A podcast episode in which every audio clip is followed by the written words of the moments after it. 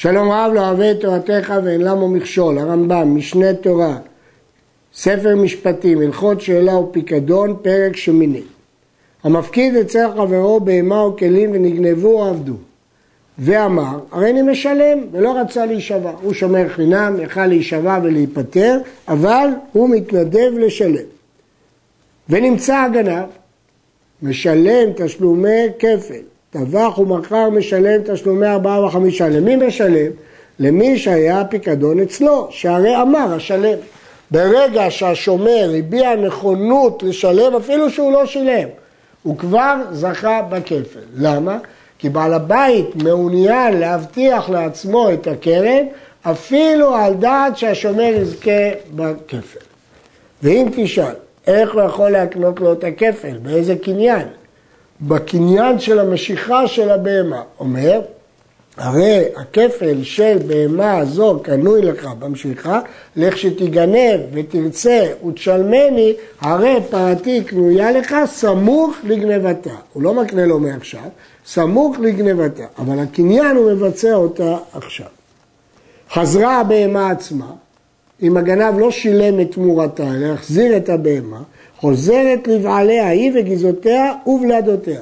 שאין זה השומר קונה שבח הבא מגופה, אלא שבח הבא מאליו. כלומר, היות שהקניין של הכפל נעשה סמוך לגנבתה, הוא לא כולל את הגזעות והוולדות, כך אומרת הגמרא, הוא כולל רק את הכפל, רק את זה הוא מוכן להקנות, שבח שבא מבחוץ, אבל את מה שקשור לבהמה, הבעלים לא מוכן להקנות, ולכן הגזעות והוולדות חוזרות עולה. לגבי הבהמה עצמה ישנה מחלוקת. דעת רוב הראשונים שהשומר מקבל את הבהמה, לא את הגזות ואת הוולדות, אבל את הבהמה. מדוע? כי כדי להקנות את הכפל הוא חייב להקנות לו את הבהמה. אבל דעת הרמב"ם שגם הבהמה חוזרת לבעלים ולא מקנים לו את הבהמה, אלא מקנים לו את הכפל על גבי הבהמה, אבל לא מקנים את הבהמה ממש. וכבר הערנו שאין הגנב מחזיר גזות וולדות אלא לפני ייאוש, כי אם היה ייאוש ודאי שהגנב זוכה בגזות ובוולדות. נשבע השומר ולא רצה לשלם, הוא הלך לפי דיני שומרים, נשבע ונפטר, ואחר כך נמצא הגנב, משלם תשלומי כפת, טבח ומכר, משלם תשלומי הרמשה, למי משלם? לבעל הפיקדון. כיוון שהבהמה שלו, מה החידוש? החידוש הוא שלמרות שזה לא נגנב מהבית שלו, אלא מהבית של השומר, אז הייתי חושב שהוא לא ישלם כפל לבעלים. כמשמע לן, למקום שהולך הקרן, שם הולך הכפל. מי שמקבל את הקרן, הוא זה שמקבל את הכפל. וכיוון שבמקרה הזה הבעלים מקבל את הקרן, כיוון שהשומר נשבע ונפטר, אז הבעלים זוכה גם בכפל. וכן הסוחר פרה בחברו ונגנבה. וסוחר כשומר שכר שחייב בגנבה ועבדה. ואמר איני משלם ואיני נשבע. ואחר כך הוכר הגנב. משלם תשלומי כפל תשלומי הרשע לסוחר. הסוחר זכה. למה הוא זכה? הרי הוא היה חייב להישבע שנגנבה, אז מה החידוש? מה הוא התנדב פה בזה שהוא משלם? שאילו רצה הסוחר, היה נשבע שנגנבה באונס ונפטר. היה יכול להגיד שנאנסה ולהישבע ולהיפטר, והוא הודה בגניבה ושילם. למרות שיכול להישבע שזה באונס, ולכן הבעלים שמח על זה ומעוניין להקנות לו את הכפל כדי להבטיח לעצמו את הקרן. שומר חינם, שאמר פשעתי, זכה בכפל, שהרי חייב עצמו לשלם, ואילו רצה, אמר שנגנבה או שנאבדה והיה נפטר. הרי אילו רצה, הוא היה אומר נגנבה ונאבדה והוא היה פטור. וכן עושה שכר בעשרה, שאמר נגנבה, קנה עקבת, שהיה חייב עצמו לשלם, ואילו רצה אמר מתה והיה נפטר. ברור מהרמב"ם, שזה רק אם הוא התנדב באמירה הזאת. אבל אם היו עדים שהוא פשע, או בשומר שכר עדים שהוא נגנבה, פה לא צריך את ההתנדבות שלו, הוא היה חייב בלאו הכי, אז הוא לא יזכה בכפל. אבל יש חולקים, ואומרים שגם שם הוא יזכה בכפל, אם הוא חסך את הדיון בבית דין, והוא התנדב לשלם, זה שווה לבעלים להקנות לו כפל. אבל השואל, דיברנו על שומר חינם וסוחר, אבל שואל אינו קונה הכפל. למה? אין לו שום טענה להיפטר, עד שישלם מעצמו. אם הוא יתנדב לשלם, כאן הוא כן יכול לפתור. למה? כי יכול לפתור את עצמו בטענת מתה מחמת מלאכה. אז לגבי שואל צריך שישלם בפועל, כי אין לו טענות רגילות להיפטר, רק מת המחרת מלאכה, אז לא מספיק שיגיד הריני משלם. כל ההנאה שלו, והבעלים לא מוכנים להקנות לו את הכפל, רק אם הוא שילם בפועל. קדם ושילם מעצמו ואחר כך הוא כהגנב, ושלם תשלומי כפל וארבעה וחמישה לשואל. כל הקונה הכפל, קונה השבח הבא מאליו, דהיינו התייקרות, כיצד? הפקיד ארבעה שיאים אצל חמורים שווים סלע, ונגנבו עבדו, ואמר אם משלם סלע ואיני נשבע, ואחר כך נמצאו והם שווים ארבעה סלעים, זה שבח שבא מאליו, מיוקר, לא גזעות וולדות, הרי הן של שומר ואינו משלם אלא סלע.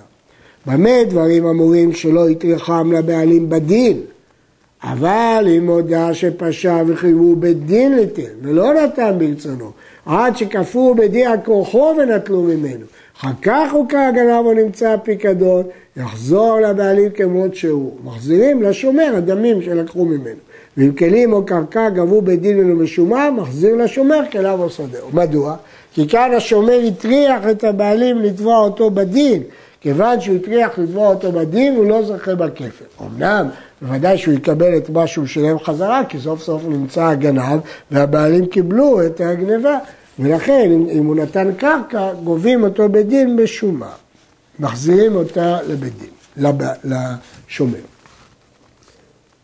תבעו הבעלים לשומר, כן תבעו אותו בבית דין, ונשבע, ואחר כך שילם, כן התנדב לשלם, והוכר הגנב, הואיל ושילם ברצונו, זכה בכפל. אף על פי שהתייחם בתחילה על הדין עד שנשבע, אבל כיוון שסוף סוף באמצע הדיון הוא התנדב לשלם, זכה בכפל. אמר השומר בתחילה איני משלם, חזר ואמר הריני משלם, הוא שוב חזר ואמר איני משלם, הוא זכה בכפל. אמר הריני משלם, וחזר ואמר איני משלם. או שאמר איני משלם ומת, ואמרו הבנים אין לנו משלמים. או שלא הספיק לתבוע את השומר עד שמת, ותבע את הבנים ושילמו בני השומר. או ששילמו בנים לבנים, שניהם מתו. או ששילם השומר מחצה. שאל שתי פרות ושילם אחת מהן. שאל משותפים ושילם לאחד מהם. שותפים ששאלו ושילם אחד מהם. שאל מן האישה ושילם לבעלה. אישה ששאלה ושילם בעלה, כל אלו ספק.